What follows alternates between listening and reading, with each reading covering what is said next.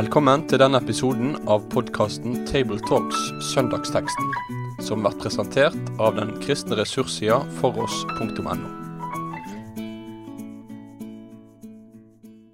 Da ønsker jeg hjertelig velkommen til Tabletalks eh, for denne 13. søndag i treenighetstiden, som er søndag 4. september.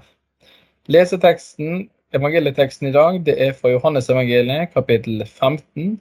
og Vi leser fra vers 13 til og med vers 17. Ingen har større kjærlighet enn den som gir livet for vennene sine. Dere er mine venner, hvis dere gjør det jeg befaler dere. Jeg kaller dere ikke lenger tjenere, for tjeneren vet ikke hva Herren hans gjør. Jeg kaller dere venner. Jeg har gjort kjent for dere alt jeg har hørt av min far. Dere har ikke utvalgt meg, men jeg har utvalgt dere og satt dere til å gå ut og bære frukt, en frukt som varer. Da skal Far gi dere alt dere ber om i mitt navn. Dette er mitt bud til dere. Elsk hver andre. Det var evangelieteksten, og den har jeg tenkt å prate litt med dere om jeg heter Vegard Soltveit, er generalsekretær i Statsmisjonen. Men jeg skal ikke gjøre det helt alene, for jeg har med meg ei veldig flott dame, nemlig Jorunn Sjåstad. Eh, redaktør av Logos bibelleseplan for voksne og ansatt på Det norske bibelselskap. Det er riktig. Og Vi skal sammen prate litt om, om denne teksten. Og så er det noen lesetekster også vi kanskje jeg tror vi kommer inn på. Hvis du har Bibel foran deg, og det anbefaler vi jo. Så går det an å se i 2. Mosebok kapittel 18, 13-24, og Apostlenes gjerninger 1-7. Kapittel 6 tenker jeg vi sier. Kapittel 6, 1-7. Oi, hva sa jeg nå? Det var iallfall det jeg mente. Kapittel 6. Jorunn, denne teksten du hørte, den blir sitert i mars, sa du? Ja, det er en av de mest bisarre opplevelsene jeg har hatt med en bibeltekst. For uh, et par uker etter krigen i Ukraina starta, så har Putin et stort folkemøte på en stadion i Moskva. Og en av de tingene som han sa der, var følgende sitat Ingen har større kjærlighet enn den som gir sitt liv for vennene sine. Det sa han til den folkemassen om da det tapene som de måtte kunne påregne under den såkalte spesialoperasjonen som var satt i gang mot Ukraina. Jeg syns det var en forferdelig ting at han siterte Guds ord for å legitimere det som han holdt på med. Men så tenkte jeg etterpå sånn er det faktisk med ganske mange ting som Guds ord sier om kjærlighet. Det går an å misbruke det. Så Derfor så tenker jeg at det er veldig viktig at vi leser denne teksten i sin sammenheng. Og da kommer vi ikke unna det som da Jesus sier om seg sjøl og om sitt forhold til Far i himmelen. Bli i meg, sier han. Bli i meg, så bli meg. Lett ordene mine bli i dere, og bli i min kjærlighet. Det er da at den der kjærligheten som han har, kan bli også en del av våre liv. Det er jo konklusjonen her, sant? Hva er hans bud som ligger til grunn for dette? Elsk hverandre. Og Det er jo den konteksten som alt dette er i, er jo dette nye kjærlighetsbudet, som egentlig er et gammelt bud, som Jesus gir. Elsk hverandre. Og Dette minner jo på i disse kapitlene gang på gang. Altså Dette er jo kjennetegnet, sier Jesus, på at dere hører meg til. At dere har kjærlighet til hverandre. Og eksempelet til Jesus hele tida er jo sånn som jeg elsker far, og far elsker meg. Altså Han tar fram treenighetens kjærlighet til hverandre. Så en treenige Gud. Eh, og Derfor tror jeg denne teksten ligger i treenighetstida. Jeg vet ikke hva du tenker, Jorunn, men det, det kommer fram denne treenigheten. Og så er vi kobla inn i det. Alle mennesker fra alle nasjoner. Ukrainere, russere, nordmenn, arabere, jøder osv. Vi er kobla inn, poda inn på dette treet. Inn i Guds kjærlighet. Inn i, ja, inn i et jødisk jordsmonn, for så vidt. Inn i både Det nye og Det gamle testamentet, men inn i Guds kjærlighet til hans tre. Og der er vi greiene. Det er jo konteksten først, at dere er greiene. Jeg er vintreet, sier Jesus. Bli i meg, og dette er mitt bud. Elsk hverandre. Elsk vår Herre, og elsk vår neste som oss selv. Det er jo det dobbelte budet. Men så Det er kan jo vel si at Putin glemte litt. Han var nok litt ute å kjøre, for å si det mildt. Men Det det mildt. han, han eh, Det Jesus snakker om her, er jo ikke bare om å bli i kjærligheten, men han sier noen ting om dem som han da har gitt livet sitt for, nemlig oss. Og han sier til disiplene dere er mine venner. Vi kaller dere ikke lenger tjenere. For tjeneren vet ikke hva herren hans gjør. Jeg kaller dere venner. For jeg har gjort kjent for dere alt jeg har hørt om min far. Det er litt merkelig på en måte å lese at han kaller oss venner.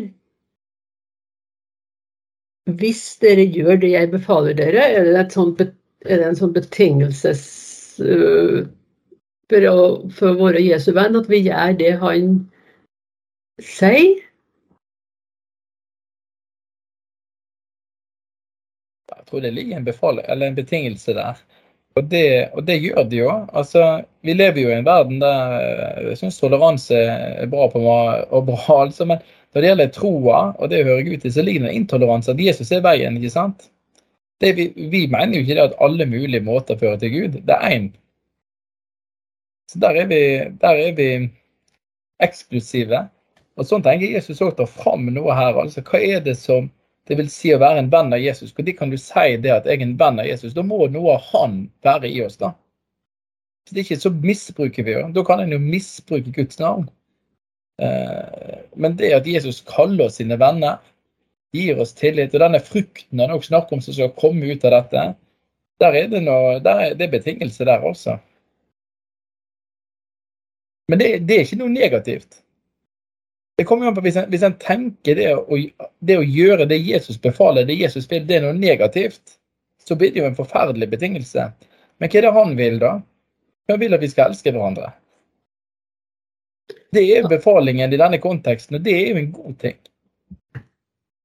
Ja, og da tenker veldig mange det at det å elske, det er en følelse. Men det er jo ikke det. Nei, er litt mer Hvis, hvis en tenker på det, jeg har vært gift i over 40 år. Jeg elsker jo fremdeles mannen min. Men det er jo ikke fordi at følelsene mine er like sterke som de var den tida vi møttes eh, før vi forlova oss og sånn. Det er jo fordi at vi har bestemt oss for at det her vil jeg gjøre. Ja. Det er mer en viljeshandling enn en følelse, det å elske. Det det. Og da skal vi elske dem som vi er sett sammen med i en kristen kontekst, eller og i den konteksten der vi er der kanskje ingen er kristne. Vi skal òg elske dem.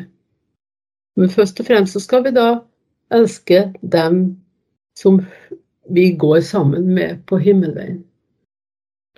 Og her er det jo en fin ting å, å, å minne oss sjøl på hverandre på at vi ber At vi inviterer Jesus inn i fellesskapene våre, og at fellesskapet er viktig.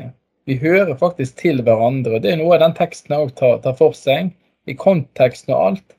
At vi er greinene på dette vintreet, og det er denne kjærligheten eh, som, som er betingelsen både til, både til Gud, men også til hverandre. Og så er det det at den kjærligheten den får vi fordi at han elsker oss først. Det er jo inne i Johannes òg, hvis vi går i brevlitteraturen. altså hva er eh, Hvem er det som har elsket oss først? Hvem som har gjort dette? Jo, det er han. Det er han som har tatt initiativ, det er han som har født oss på ny.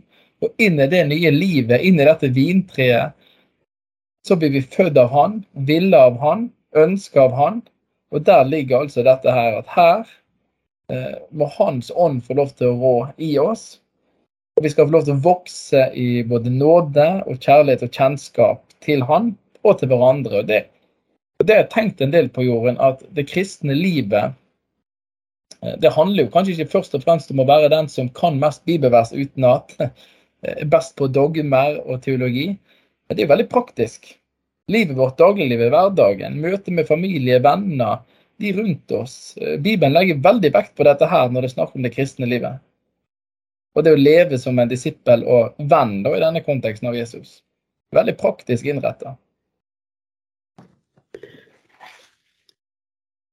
Det, det, som du egentlig nå snakker om, det er jo, altså det, det er jo frukt som da vokser fram i, i samværet med Jesus. Det er en frukt som skal vokse fram. Og den kommer jo ikke til seg sjøl. Den kommer jo da kun når vi er i stammen, ikke av uh, grensa eller avhogget fra en stamme. Uh, det å bære frukt, uh, hva betyr egentlig det? Betyr det bare å, å få, få, gjort en hel del godt for Jesus?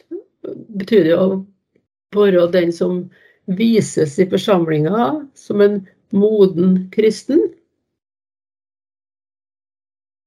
Jeg, vet ikke, jeg er jo fra gård, da. Det er bare frukt. For sted, så handler det egentlig om å bare være helt i ro. Det handler om å være. Det tror jeg òg. Det handler mer om å være enn om å, om å, å, å vises. Jeg ble litt utfordret av Oskar Skarsaune sin bok, denne 'Etterlyst Jesus', denne bergprekenes Jesus som han skrev for noen år siden. Og Der tar han jo òg fatt i disse betingelsene. Altså, for Der er jo slutten av bergprekenen. Altså, den som hører disse mine ord og gjør etter dem, han er lik en mann som bygger huset på fjell osv. Og, eh, og det er noe med at dette med, med, eh, med, Hva er det han har sagt i bergpreken? Det er jo helt sånn hva, hva er det han har forkynt? Det er jo bl.a. at vi skal elske våre fiender. Eh, det, det er en ganske sånn kraftig budskap. Det skal ikke være så raskt å se bjelken over brors øye, nei, flisa over brors øye, og ikke bjelken over vårt eget. og sånn. Altså, Det ligger ganske kraftige ting i bergpreka. Jeg tenker Når Jesus snakker med disiplene sine her, så har de hørt bergpreka, de òg. Og han minner de jo om noen av disse betingelsene som er gode. Men så tenker jeg òg at vi, vi, kan la oss utfordre litt. Og tenke faktisk gjennom hvordan omtaler vi hverandre på sosiale medier, vi kristne i kommentarfeltet. Det er en måte vi, jeg tror vi må, kan utfordre hverandre på å tenke gjennom. Eh, eh, er det en måte som Jesus sier dette er bra, min venn? Eller ødelegger vi, bryter vi ned. Jeg vet ikke med det jeg gjorde, men jeg, jeg blir ofte lei meg når jeg ser i kristne kommentarfelt og hvordan kristne omtaler hverandre og snakker nedlatende om andre mennesker, særlig på kommentarfelt og sosiale medier. Det er klart, det, da følger det ikke det som er siste setningen i vår tekst, elsk hverandre. Nei. Da elsker en kanskje mer seg sjøl enn, enn de andre. Uh, og av og til så tenker jeg det at uh, vi har blitt litt for individualistisk, sånn som vi oppfører oss. Vi tenker jeg at det er jeg som skal ha rett, det er jeg som har sannheten. Eh, ja. Gud har vist meg noen ting som er så spesielt at det trumfer alt annet. Ja. Da tror jeg at vi har bevega oss bort ifra det der budet som Jesus sier her, elsk hverandre. Ja, for det er en veldig kollektiv tekst. Altså, hele konteksten er veldig kollektiv. Altså, det er greiner som betyr på ett tre. Det er noe å ha kjærlighet til hverandre. Altså, ikke at, Det snakket vi litt om, Jorunn, før vi begynte dette. her. Jesus sier jo ikke at da skal du bære frukt, men han sier dere. Altså snakke kollektivt hele veien. Og kanskje vi må minne hverandre litt på det denne søndagen. at disse tekstene her, eh, både denne teksten, men også de lesetekstene vi henviser til fra andre Mosebok og Postens gjerninger, de er kollektive. En bærer frukt kollektivt. Vi tilhører et fellesskap, og det fellesskapet er ganske vidt. Det er verdensvidt. Det er ikke noe forskjell på dette treet om du har den hudfargen eller den hudfargen, om du er mann eller kvinne, eller du kommer fra det landet eller det landet. Det er alle er velkommen inn i dette her. Og så er vi kalt å elske dette eh, hva skal, du, hva skal vi kalle det, virvar av alle mulige mennesker som er satt sammen i Guds rike. Og så bærer vi noe sammen. Og jeg tror nok det at når vi begynner å hakke på hverandre unødvendig, eh, kalle hverandre stygge ting, det oppstår konflikt og partier. og det, dette kjærlighetsbudet med å elske hverandre, det blir um, glemt. Eh, så, er, så er ikke det et veldig godt vitnesbyrd for verden heller. Se hvor de krangler, istedenfor at de sier 'se hvordan de hater hverandre'. Vi har veldig mange Altså, vi har en del også i, i norsk kirkeliv og i norsk kirkehistorie som har vært sånne einere Eh, sånne som har gjort veldig mye, og som har vistes veldig godt, og som en godt kan si om dem, livene deres bar rik frukt. Eh, men leseteksten vår eh, fra andre Mosebok understreker jo at ja, det er flott at enkeltpersoner står fram og er tydelige og dyktige og gir seg helt i den oppgaven de har. Men Moses fikk altså av svigerfaren sin et godt råd om å velge seg ut dyktige folk som kan være medhjelperne hans, for du klarer ikke alt alene. Eh, og Moses var såpass ydmyk at han tok det rådet fra svigerfar. Og jeg tenker vi skal heller ikke stå i veien når Gud kanskje minner oss på om at vi skal få lov til å dele oppgavene med andre. Vi skal bære i lag. Ja. Jeg tenker jo kanskje at Jetro sier det enda sterkere til Moses. altså Det er ikke bra, det du gjør. Moses mente det jo godt.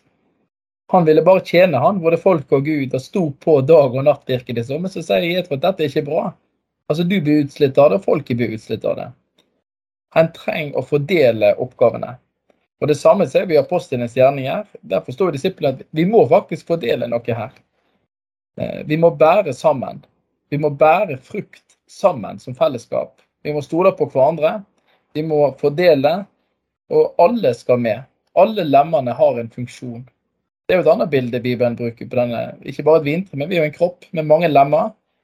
Og Der må ikke lemmene begynne å bli misunnelige på hverandre, men vi må anerkjenne og heie på hverandre og gjerne de lemmene som vi tenker har minst ære, de skal vi gi ære. Det er det Paulus snakker om da han bruker dette bildet. Eh, så jeg tror nok det kan være litt sårbart og farlig hvis, hvis, vi, hvis vi, kun skal ha sånne einere rundt omkring. Eh, som nesten blir opphøyd til å være guddommelige salver inn, og de eneste som skal gjøre noe. Så er det nok ikke bra for de personlig, og jeg tror heller ikke det er bra for den flokken rundt dem. Det er bedre hvis vi kan bære sammen. Og Vi ser jo av og til sånne eksempler rundt omkring, syns jeg. At her er nok én eller to personer som har fått altfor mye, og de andre har ikke vært med. Vi trenger å fordele, vi trenger å bære sammen. Det er det bibelske. Så vi må eh, På den ene siden så er det bra med dette individualistiske. sant? Hvordan du har det med Gud, din bibellesning. Men på den andre siden er det en grøft. At vi glemmer fellesskapet. Vi glemmer det kollektive. Hele Fader vår er jo en kollektiv bønn. Og hele denne teksten vi har lest nå, er jo en kollektiv. Dere skal bære frukt. Så vi må løfte fram dette at vi tilhører hverandre. Vi tilhører Gud, og vi tilhører et fellesskap. Skal vi si det sånn? Det kan vi gjøre. Velsigna søndag. Elsk hverandre. Lykke til. Guds fred. Med det sier vi takk for følget for denne gang. Finn flere ressurser, og vær gjerne med å støtte oss på foross.no.